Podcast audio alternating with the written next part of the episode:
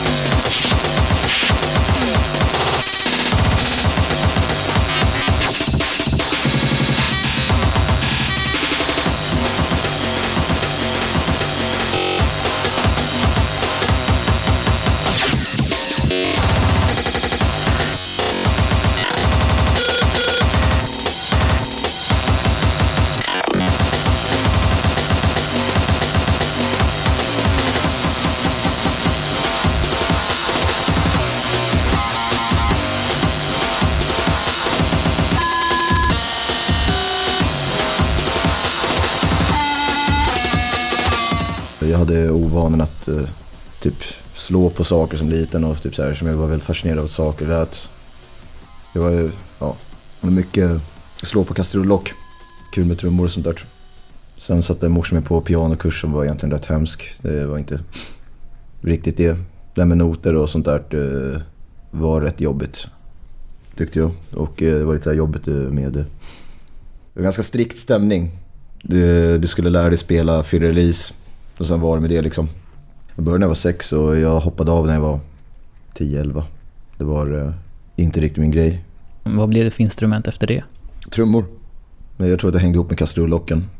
Eh, så jag spelade trummor men eh, jag hittade aldrig något band att spela i sådär och sen började, något, så började gymnasiet så och mellan den tiden så då, jag höll ju på med vad det fast tracker och sånt där. Men eh, det var väl egentligen aldrig seriöst. Det var ju kul att vara produktiv men jag satte mig aldrig ner och försökte så här, men du ska göra liksom, bra låtar. Utan jag bara latchade mest runt och sådär.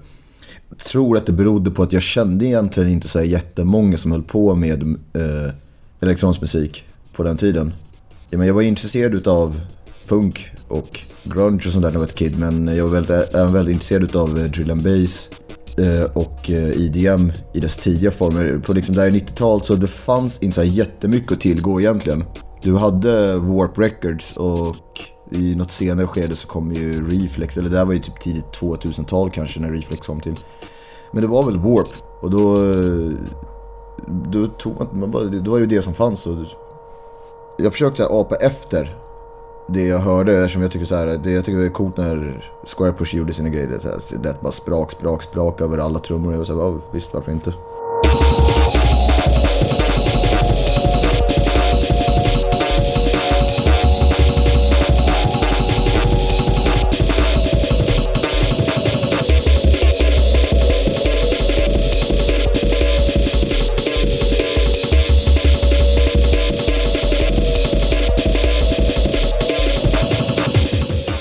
Bogdan var, jag, jag fann hans sinne för humor väldigt tilltalande. Det var, eh, egendomligt.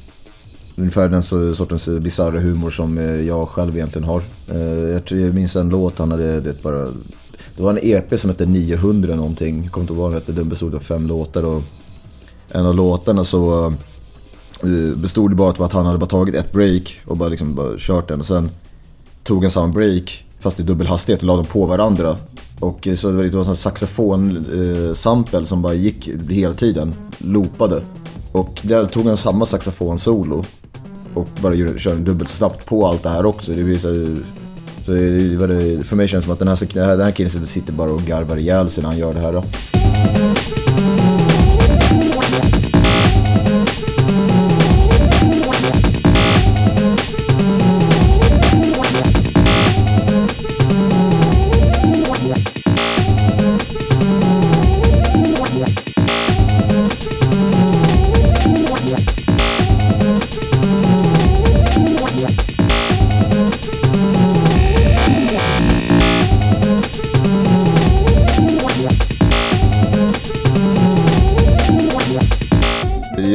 Lämnade elektroniska musiken sen.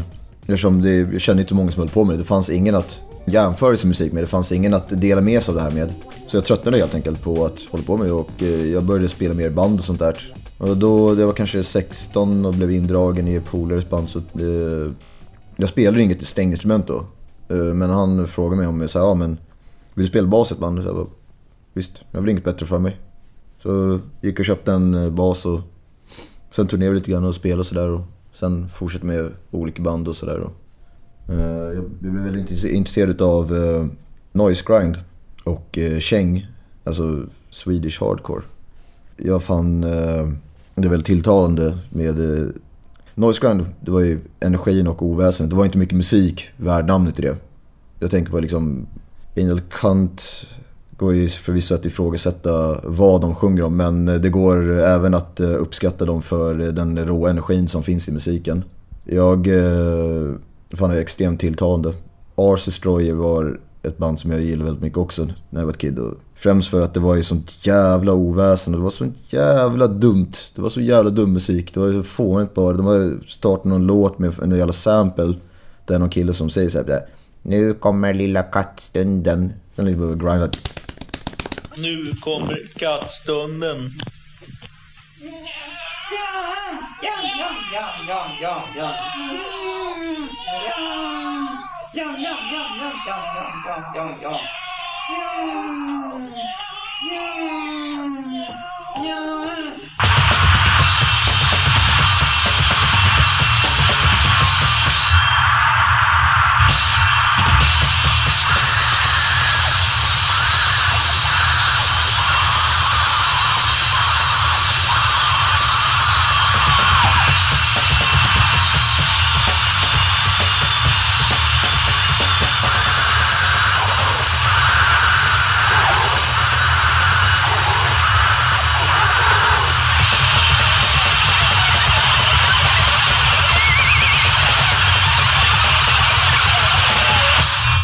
det det du försöker göra med Bitrot?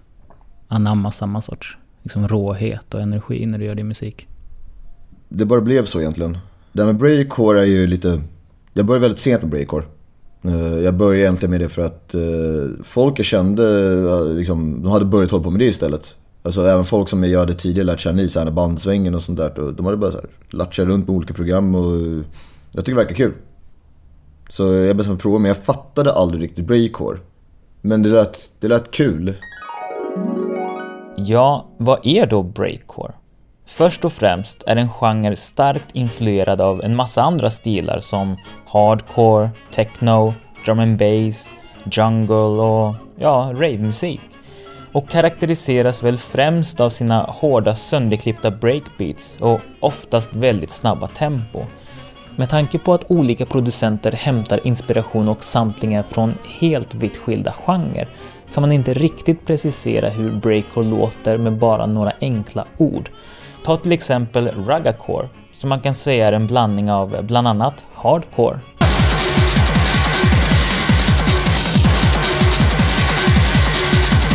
Breakbeats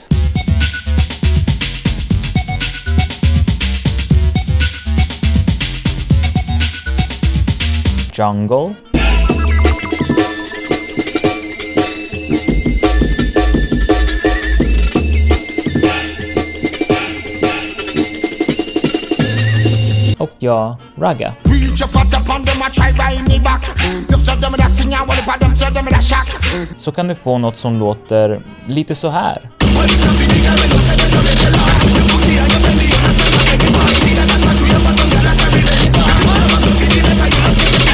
Eller så här.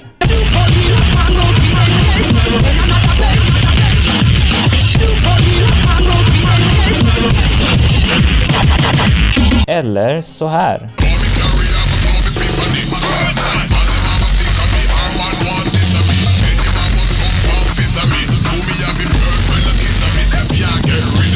Sen finns det ju de som influeras av och samplar mycket från black och death metal.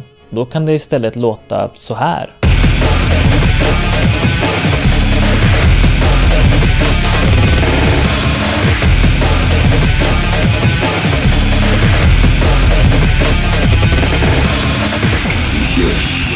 Eller så här.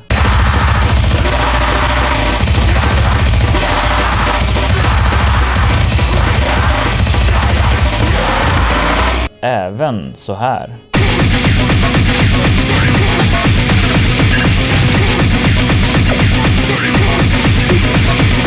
Sen har vi också glitchcore med sina väldigt komplexa beats och melodier gjorda på små, korta, ja nästan fragmentariska samplingar. Som till exempel det här.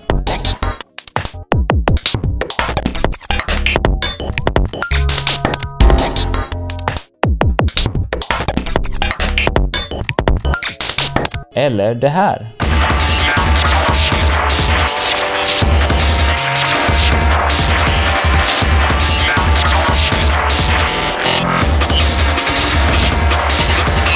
Sen får ju inte heller glömma den breakcore som hämtar sin inspiration från den tidiga rave-scenen på 90-talet med sin hetsiga dunka-dunka, ettriga melodier och svettigt tjackpundartempo. Som det här.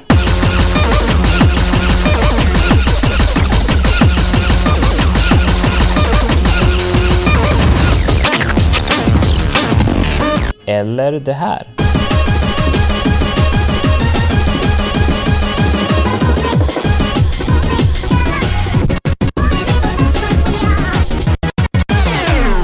Man skulle kunna säga att breakcore-scenen hålls ihop inte bara av det hetsiga och hårda soundet utan även av en ganska punkig attityd till musik, strukturer och regler i största allmänhet. Man kan göra breakcore av i stort sett eh, vad som helst, som till exempel Cardo Pusher, som i en låt mixar rap, breakbeats, hardcore, reggae och Guns N' Roses.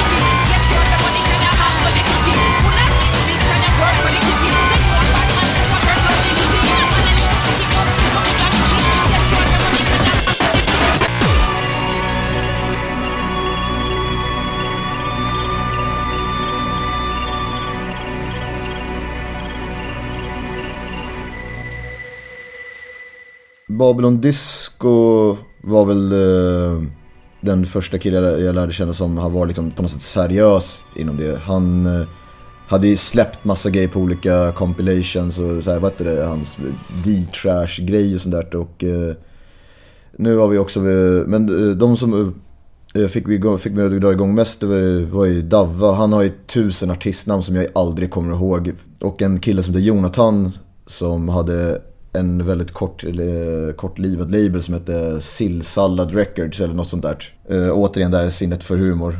Eh, men de hade ju hört så här grejer jag hade gjort själv och sådär. Eh, de två var väldigt uppmuntrande i att jag borde fortsätta med det och sådär. Eh, så jag bara började latcha runt lite grann. Hålla på och egentligen, det är de tidiga Bitterot-låtarna var väl mina väldigt enkla försök att försöka, så här, liksom, så här, är det så här breakcore låter? Eftersom på något sätt så här, det var på något sätt det, det jag uppfattade breakcore som. Någonting, eh, den ljudbilden. Det var så det lät i mitt huvud. Men sen insåg jag när jag lyssnade mer att oj, det var inte riktigt så det lät alls. Eftersom när jag började göra den första låten då lyssnade jag inte på breakcore överhuvudtaget. Utan jag försökte bara liksom bara så här skriva ut i mitt eget huvud hur det låter. Så här. Vad var det för idé du hade om breakcore då? Eh, Innan du ens hade börjat lyssna på breakcore liksom. Vad var det, du, vad var det för idé du försökte få ner? Jag hade ingen direkt idé jag ville få ner egentligen. Det, utan eh, alla de här låtarna präglas av en väldigt så här, vad heter det? Stream of consciousness modell. Det är liksom att det, jag bara satte mig ner och liksom bara plitade ner saker efter saker. Och, man kan ju säga liksom att eh, en väldigt, eh, jag tycker det är en väldigt sund inställning att eh, låta ens instrument ta en där instrumentet går så att säga. Inte att du försöker ta ditt instrument någonstans. Nu behöver man inte tolka bokstavligt men vad jag menar är att det finns alltid ett visst flyt i saker och ting. Och jag tror att när du hittar flytet så är det bara liksom, bara följ med det. Rätt mycket folk egentligen som jag tycker har, de har idéer om hur musik ska låta.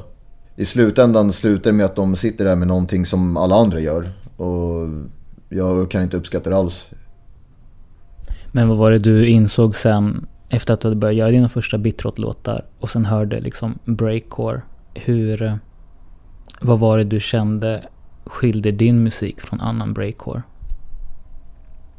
Ja, det är väl som vilken annan musiker som helst. eh, Att man tycker att allt man gör är shit. Men, Ehm, alltså, breakcore, det är väl ingen egentligen poänget så att prata om så här, på vilket sätt skiljer sig breakcore från vilken annan breakcore. Som det är, eh, det är lite vilda västern när det kommer till hur breakcore ska låta. Eh, det finns en tendens att eh, folk vill göra breakcore som låter bra. Och då slutar med att då sitter den där med, med nästa drill and bass hit för 2014 liksom. Eh, ja, det är klart man ska alltid ha en idé, man, vill ha, man har liksom ett, sitt eget ideal. Eh, jag vill inte att det ska bli så här för frisläppt. Då, då sitter man där och bara latchar runt och... Jag tänker att liksom, även om man, eh, vill säga, om man, eh, även om man gillar dubstep eller sådär grejer liksom, det är liksom... Det, för det är visst, förvisso en genre med ganska strikta eh, ramar. Men oavsett så, om, även om det är ens grej så får man ju låta liksom... Det, det, man, man, gör, man ska uttrycka sig själv. Inte göra liksom... Eh, följa parametrar. Det jag menar, eh, om du vill följa parametrar och så här strikta linjer då borde du hålla på med liksom konstmusik, alltså klassisk musik. För det är där, där du har de här strikta reglerna. Fast- Eller å andra sidan inte ens där heller. Om du, en, fan, jag glömde en väldigt inflytelserik uh, mus, musiker på mig. Det var just en konstkompositör. Han hette uh, Schönberg. Han gjorde något som kallas för tolvtonsmusik och det är helt olyssningsbart. Det går inte att lyssna på. Det är fruktansvärt jobbig musik.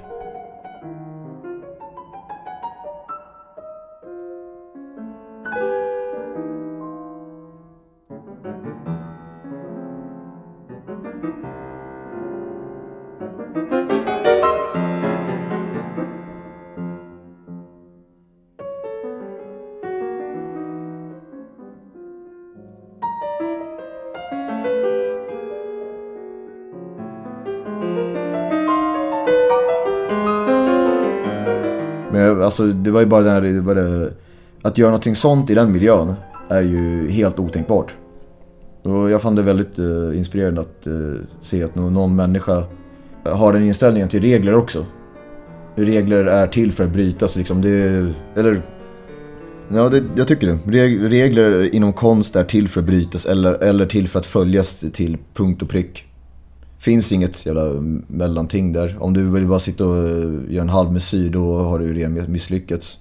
Eller okej, det går inte att misslyckas i musik egentligen. Men eh, oavsett så, för mig så är regler, konventioner, normer, det är ju, det är fan. Det är, det är ärkenemesis.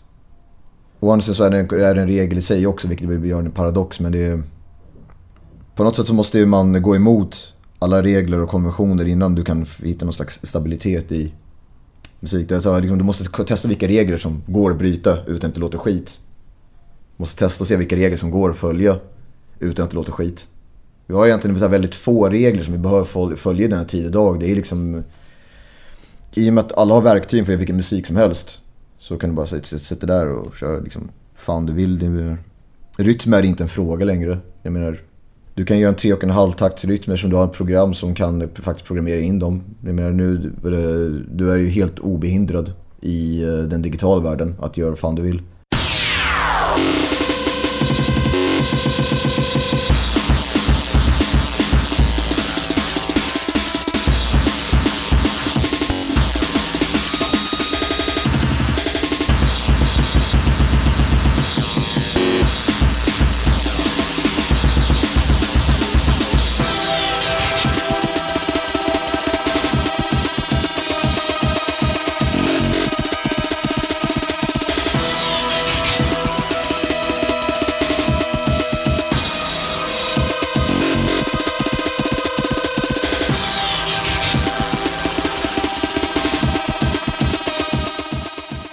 Jag började med det lite grann för att liksom, alla andra gjorde det. Jag ville bara, liksom, bara se vad fan de höll på med. Jag var ju nyfiken som uh, Davva och uh, Martin uh, talade, alltså Babylon Disco talade väldigt varmt om... Uh, ja, det var kul, det var kul, opretentiös musik att hålla på med och det är väl...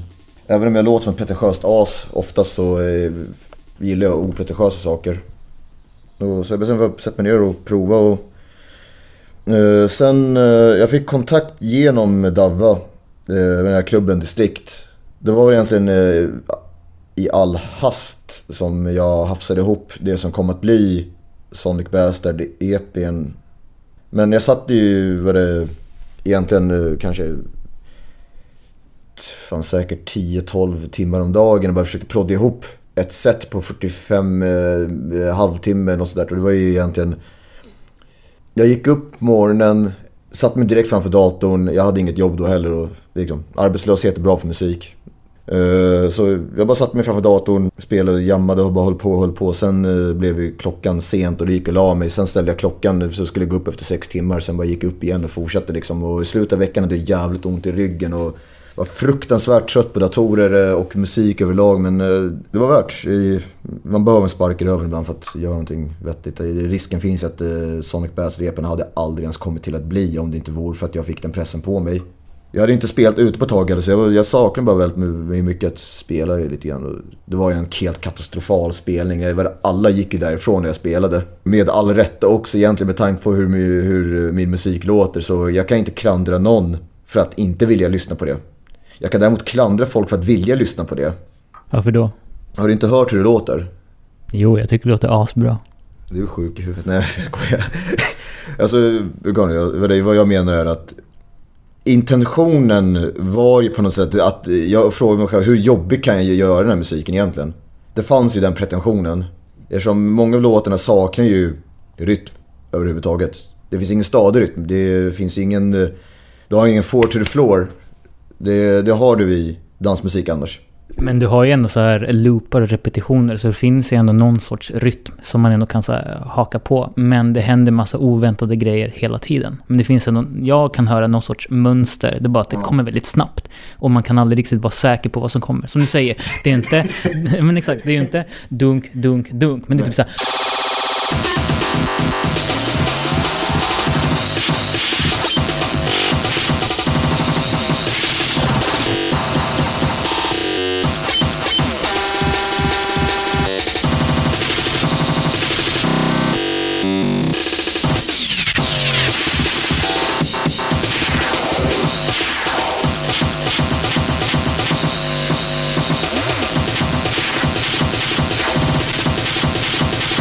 Ja, alltså, Där finns ändå en rytm. Ja, alltså det, det, finns ju en takt. Jag menar, men det, det, okay, det här begränsningen som finns i elektronisk musik. Det är liksom att du har... Eh, du befinner dig inom programmets ramar och liksom... När jag gjorde den skivan i Buzz, jag, jag har ett program som heter Buzz och jag hade egentligen ingen aning om hur man håller på med temposkiftningar då, eller taktartsbyten då. Så jag tänkte så här, men om jag försöker, pet, om jag försöker markera den här takten som en sjutakt fast inom en tretakt så kanske jag får samma känsla. Men istället så upptäckte jag att det blev någonting helt annat och jag gillade resultatet. Så, men eh, ja, som sagt spelningen, alla gick därifrån.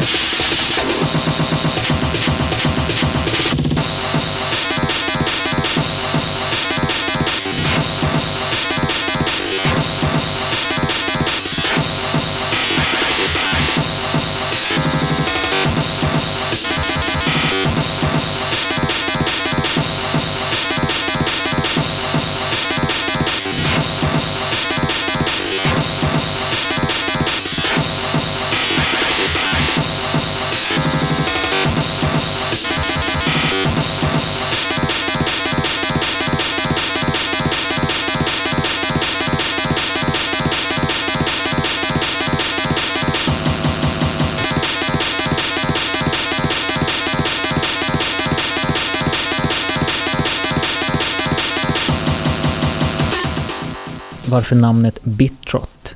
Det var så att eh, jag och eh, Babylon Disco snackade om det här och eh, vi pratade om just konceptet Bitrot. Det är någonting som inte är så vanligt längre men det är någonting som dök upp på äldre hårddiskar. Och det är det bisarra fenomenet att ibland kan olika bits bara försvinna från filer. Att de bara, det är liksom, de bara försvinner till ett svart hål. Och så säger eh, Babylon Disco, ja men det ska väl annars vara ganska nice artistnamn. Jag säger, ja, ja det är det. Men vad händer när en bit försvinner? Hur ser man det? Eller märker man det liksom? Alltså det, det ser ut som korruption. Uh, liksom en korrupt fil. Den är trasig, den går inte att använda, det går inte att läsa av. Till exempel uh, en sektor på en hårddisk kan inte läsas av längre, den, den funkar inte. Då har det gått ganska långt när en hel sektor är paj, men... Uh, Så en bitrot är en korrupt fil, eller korrupt bit? Så du gör korrupt musik med andra ord? det kan man, fan det kan man säga i allra högsta grad egentligen. Det är faktiskt nog eh, den definitionen av bittrott, korrupt breakcore. Eftersom eh, det började som så att jag egentligen inte förstod breakcore och ville bara göra det. Sen... Jag tog egentligen de här ljudidealen jag hade från eh, banden jag spelade Jag uppskattar väldigt mycket vägg av ljud. Vägg av ljud. Det är liksom det idealet jag strävar efter egentligen. Det ska liksom vara massivt, tjockt. På något sätt så är det inte viktigt för mig att göra låtar i det här. Jag vill bara att det ska vara vägg av trummor och ljud. Det är på något sätt så här, eh, Både Andreas, alltså Myriagon, Myriagion, hur fan uttalar man det? Eh, jag brukar säga Myriagon. Myriagon, Myriagon, det låter skitbra. Eh, Myriagon sa till mig att eh, Myriagon och eh, Danny, han har tusen artistnamn också. Eh, eh trasig. Ja, Trasig, eh, det är hans dubstep-artistnamn. Eh, de båda sagt att Eh, när man lyssnar på Bitrot så liksom, det är på något sätt som jag, eh, att jag vänder på det. Och det, det, är inte längre ljuden som är melodin utan det är trummorna som är melodin. Eftersom jag bygger mina låtar egentligen, egentligen ganska parodiskt efter väldigt traditionell vers-refräng, vers-refräng, stick-refräng struktur. Bara att den är korrupt tydligen. Men det är lite som eh, Venation Snares brukar säga. Han brukar ju också säga att han, han bygger sina låtar kring trummor. Han använder trummorna som ja. ett, ett, lika liksom eh, berättande instrument som typ en melodi skulle kunna vara. Gentleman.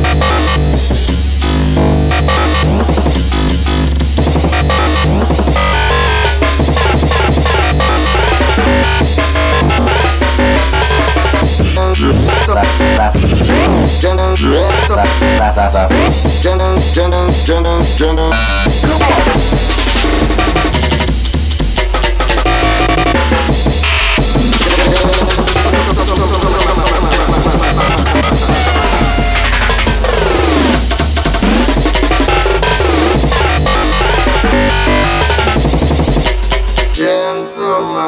Jag tror att det är väldigt många inom där drill and bass och breakcore-svängen som uh, känner likadant inför trummor. Och om inte annat så måste man ju på något sätt...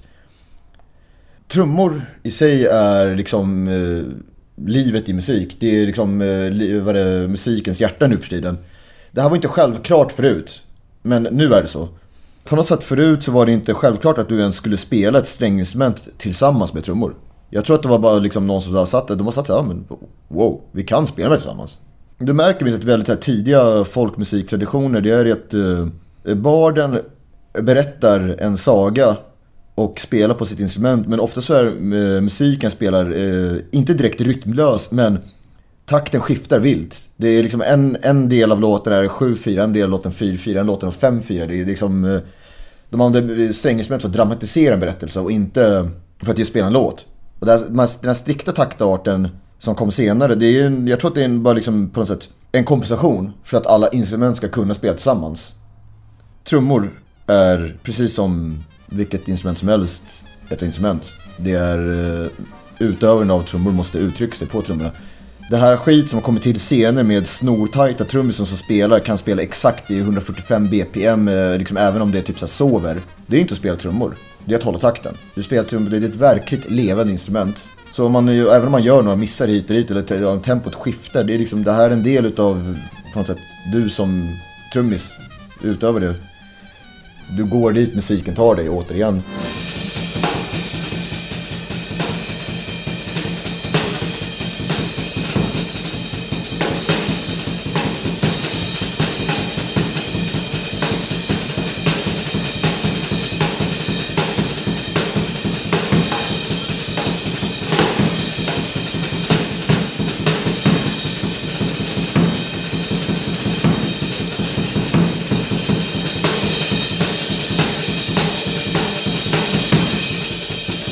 Det finns på något sätt en väldigt eh, hier- hierarkisk wow-faktor i instrument.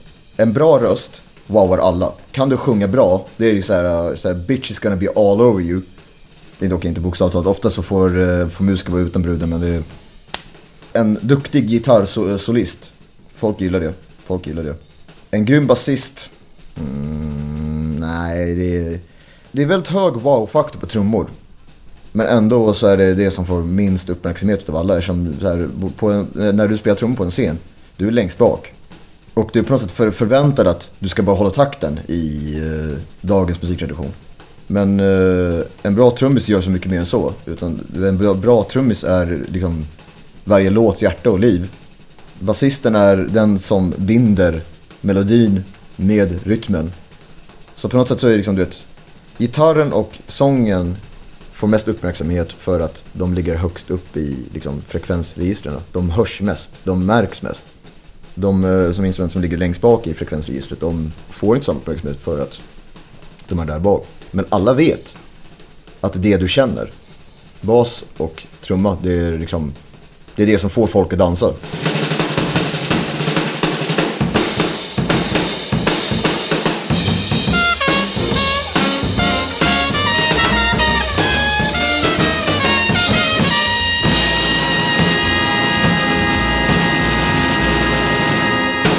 Just nu spelar jag i tre band aktivt men eh, ett band spelar jag trummor, heter Ramaskriv. Jag har inget inspelat direkt men det är lite upp till eh, gitarristen, det är hans band så det är på något sätt. Så jag eh, vill inte lägga mig i för mycket eller ta det ifrån honom. Det är, jag tycker det är viktigt att respektera det. Det är faktiskt eh, hans initiativ och det är han som ska göra alla låtar. Sen är det bandet som heter Son of Ruin och det är ett band som har funnits i all evighet egentligen. Son of Ruin för mig var på något sätt, det, var ju- det, är ju- det var mitt sätt att apa efter eh, sludgecore från annan sludgecore från 90-talet, typ Buzz Oven och I Hate God och senare 90-talet då skulle det vara Iron Monkey 16 och jag gillar det. Det var, det var lite mer jag var, jag var rätt trött på snabb musik vid det laget eftersom jag tyckte att det var lite för lite musik. Det var ju bara samma där liksom D-takt. Alltså, även om jag älskade D-takt och sånt där då, men jag, jag var inte så intresserad av spel så jag ville... Jag tänkte om jag eh, tar dåligt spelade kängriff och spelar dem långsamt och spelar dem ännu sämre så... det är bra. Hur skulle du beskriva sludgecore? För någon som inte har en aning. Fruktansvärt oväsen. Nej jag skojar. Det är, Uh, jag skulle vilja säga det är där uh, punk och uh, Black Sabbath möts ungefär. Det är samma skräpiga ljudbild som du kan hitta i punk ofta.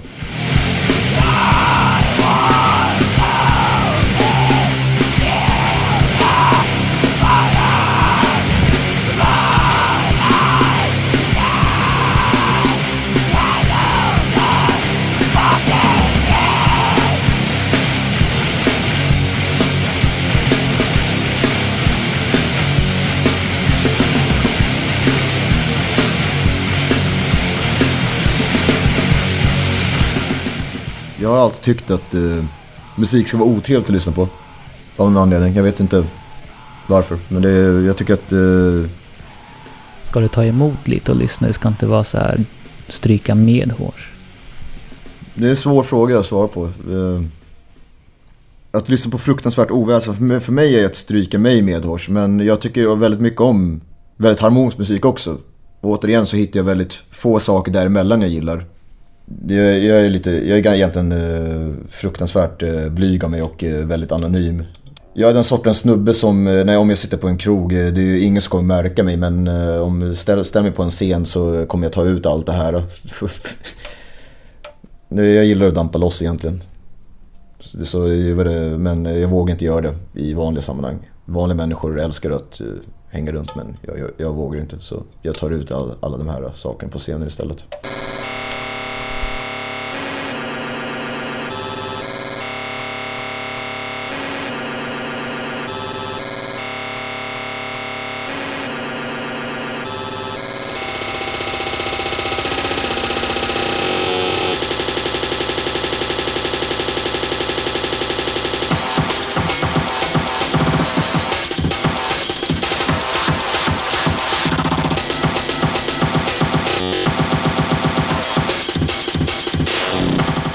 Innan så var jag fast i synkoptänkande. Om vi ska prata om breakcore, drum and bass, speciellt drum and bass, där är synkoper, eh, liksom det är, synko, vad är det, det är syncopation city. Det är liksom, Vad är det för något? Syncopation, det är när, eh, till exempel om du har en van 4-4, dum, dum, så kan du eh, lägga till exempel knappen på ett annat ställe. Aim breaket, det är synkoperat. Eller, så kan du, det här är en vanlig grej som dyker upp i nästan alla amen break-samplande genrer.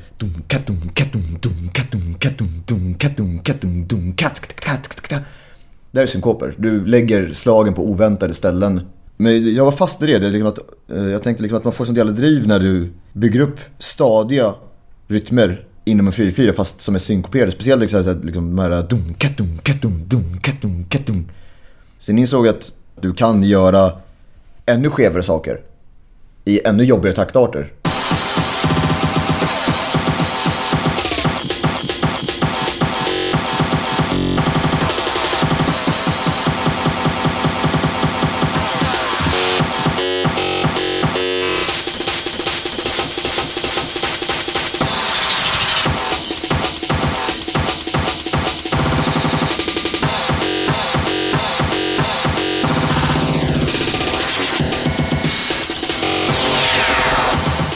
Det finns en viss eh, nybyggaranda i breakcore-scenen. Trots att breakcore har funnits där i all evighet så är det fortfarande nytt. Det är en lekplats. Och eh, det här reflekteras på de som ger sig in i breakcore. Det är väldigt avslappnat på det sättet att alla är där bara för att ha kul. Det finns ingen karriär att bygga i breakcore på det sättet. Men det, det är liksom, du kan bygga en karriär i house. Det är vad folk dansar till ute. Du kan bli en yrkes-DJ. Men du kan inte bli en yrkes-DJ för breakcore. Konsten är på något sätt levande i allra högsta grad i breakcore. Och det märker man ju på när man pratar med andra människor om hur breakcore ska låta. Eftersom alla har en egen idé av det. Jag och min, eh, min kompis Davva, honom är jag känt förut i, vad, vad blir det nu? 12-11 år nu, det är sjukt länge. Men vi kommer ju aldrig överens på den frågan hur breakcore ska låta. Han, han tycker att breakcore ska vara roligt. Jag sa ju tidigare att jag tycker att eh, musik ska vara jobbig att lyssna på. Men eh, han, är, han har en så mycket mer lek, eh, lekfull människa än vad jag är på den fronten.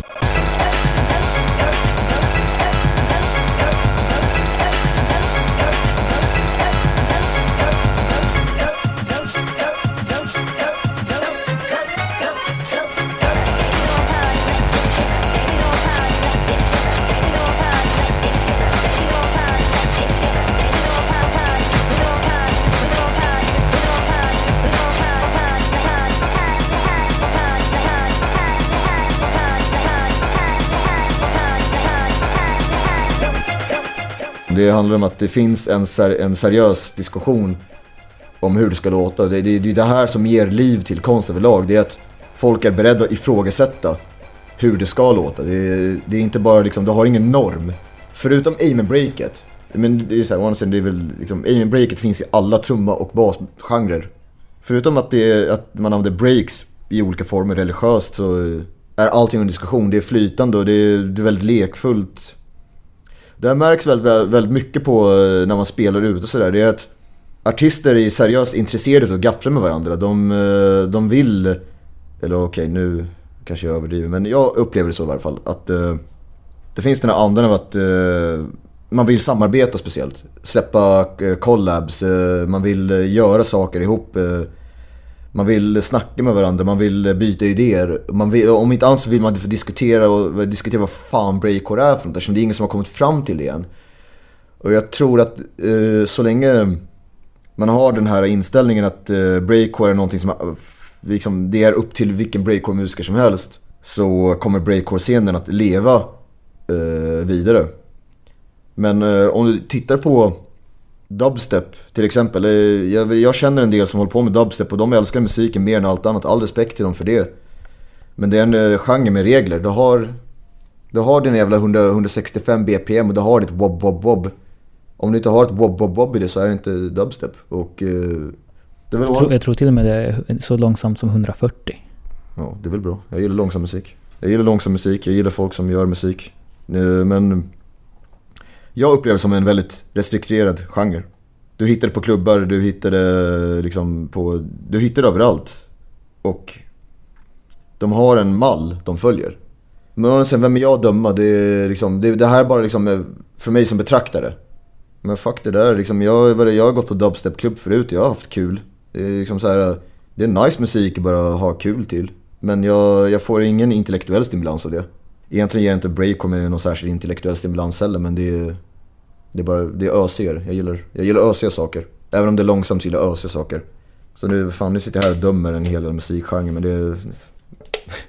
Vad lyssnar du på för breakcore nu, idag? Ingen alls. Faktiskt. ja, alltså det var i med mitt jobb eh, som bard eller trubadur så har det varit väldigt mycket så att jag sitter och lyssnar på den musiken. Och jag, jag försöker förstå vad de spelar. Jag, jag, jag, mitt jobb har varit ett tag nu att spela alltså azerbajdzjansk folkmusik och jag lyssnar väldigt mycket på den musiken. Och det är återigen, det är eh, total kontrasten mellan vad jag tycker om. Det är väldigt svart och vitt. Fruktansvärt oväsen eller mysiga små trevliga ljud.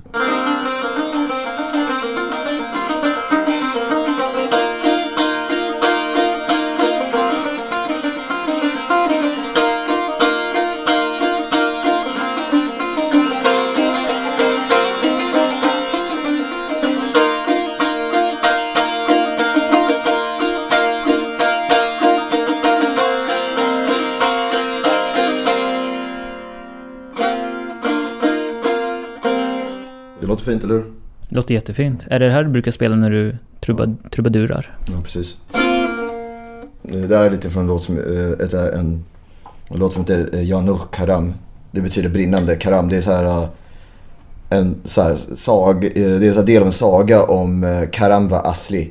Det är så här klassisk kärlekssaga. De, så här, du vet, Karam, sonen till en prins, eh, sonen till en kung, alltså prins. Eh, Asli, dotter till en mulla.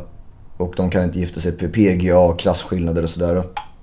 En klassisk Romeo och Julia-saga. Ja, alltså det, är- ju samma berättelse egentligen. Det är bara att eh, den har vandrat och bytt skepnad och... Men så här, jag tror att det är samma berättelse har uppstått självständigt i olika former. Det, det måste finnas säkert en så här, så här latinamerikansk variant av den också.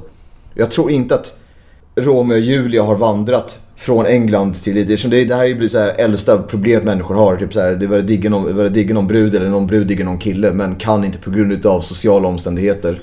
Janusz Karam, brinnande Karam. Eh, när han eh, vidrör eh, Aslis döda kropp så brinner han upp utav sorg och förvandlas till aska.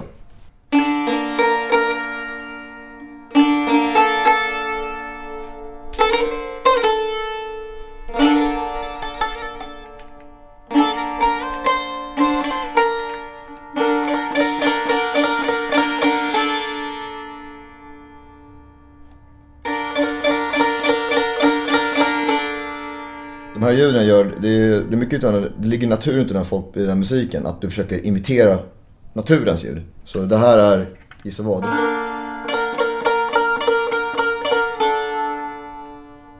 Vad i naturen låter så här?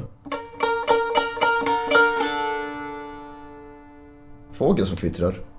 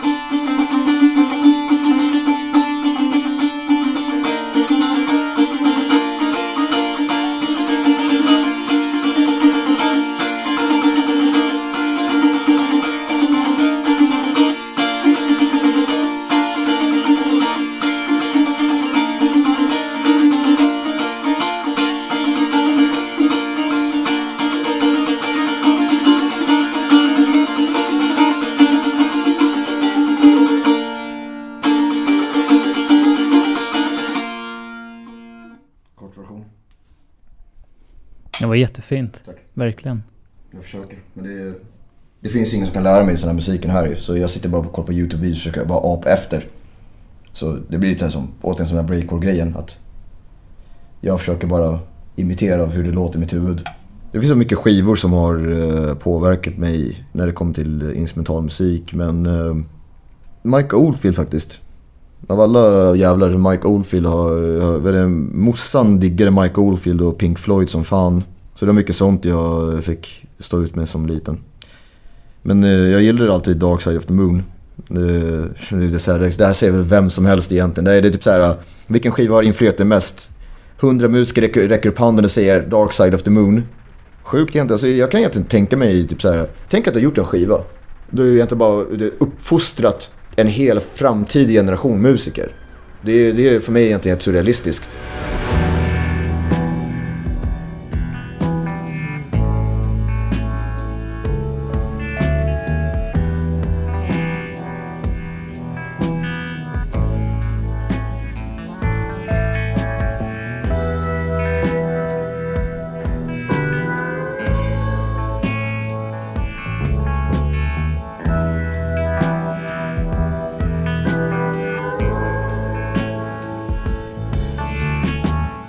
Du något eh, favoritspår på Dark Side? Hela skivan. Alltså jag kan inte välja ut ett spår. Alltså det är en av de få skivorna som jag vet som man verkligen nästan måste lyssna från start till slut. För att allt är så jävla perfekt. Ja, alltså, okej. Nu måste jag korrigera det här. Perfekt är ett ord som man inte får använda i konst. När någonting är perfekt, då har du misslyckats helt. Konst i sin natur är till för att först och främst att konstnären ska uttrycka sig själv. På det sätt konstnären tycker är bäst. Så på det sättet finns det egentligen ingen, ingen bra eller dålig konst objektivt sett. Det finns däremot bra och dålig konst subjektivt. Och det, det är det här som gör konst så intressant. Konst ska inte nödvändigtvis provocera men det ska väcka tankar. Vilket intryck har det gjort på mig? Liksom, vilka frågor lämnar det här mig med? Vad saknar musiken? Det är på något sätt det som eh, får folk att bli engagerade i, i saker överhuvudtaget tycker jag. Jag tror att det är att alla som börjar med musik eller konst eller eh, litteratur eller liksom eh, poesi, vad, det, poesi och litteratur är fan samma sak, eller hur? Ja, det är det. Någon gång i deras liv som konstintresserade så ser de ett verk och tänker jag skulle vilja göra den här eh, fast på det här sättet. Vissa av dem skriver till verket och gör en kopia på den.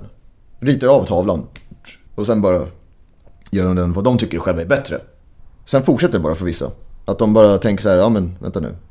Jag kan göra det här bättre, jag kan göra det här bättre, jag kan göra det här på det här sättet. Sen du vet så här, jag, jag tror att alla, alla börjar med det, att de börjar med att kopiera det de gillar. Rakt av. Sen till slut lär de sig att dölja vem de snattar ifrån. Så att ingen längre kan peka på det. Och skälla ut den på ett hemskt otrevligt sätt. Eh, så jag tror att det här är inställning värd att ha som eh, konstnär överlag. Att du vill ställa frågor.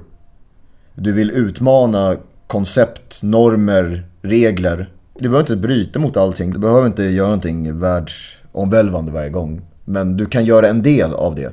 Det är inte... Varje musiker i världen gör inte någonting revolutionerande. Däremot så det är många bäckar små. Om alla gör sitt för att åstadkomma någonting bra.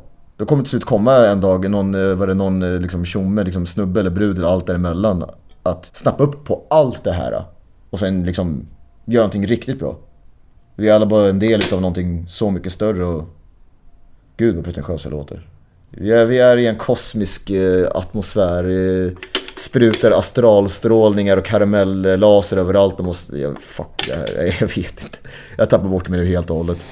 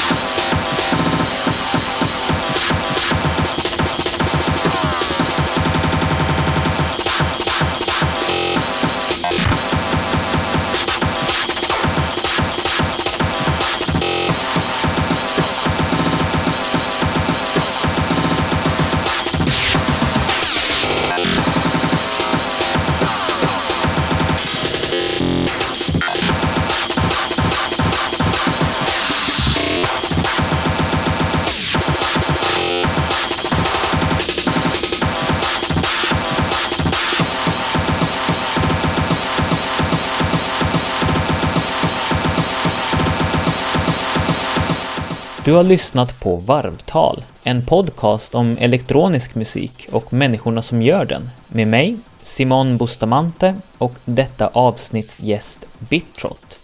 Maila mig gärna vad du tyckte om avsnittet, både det bra och det mindre bra. Eh, du kan skriva till antingen simon.varvtal.se eller på Facebook-sidan. Och du får också gärna komma med tips på folk som du tycker att jag ska intervjua. Ha det fint!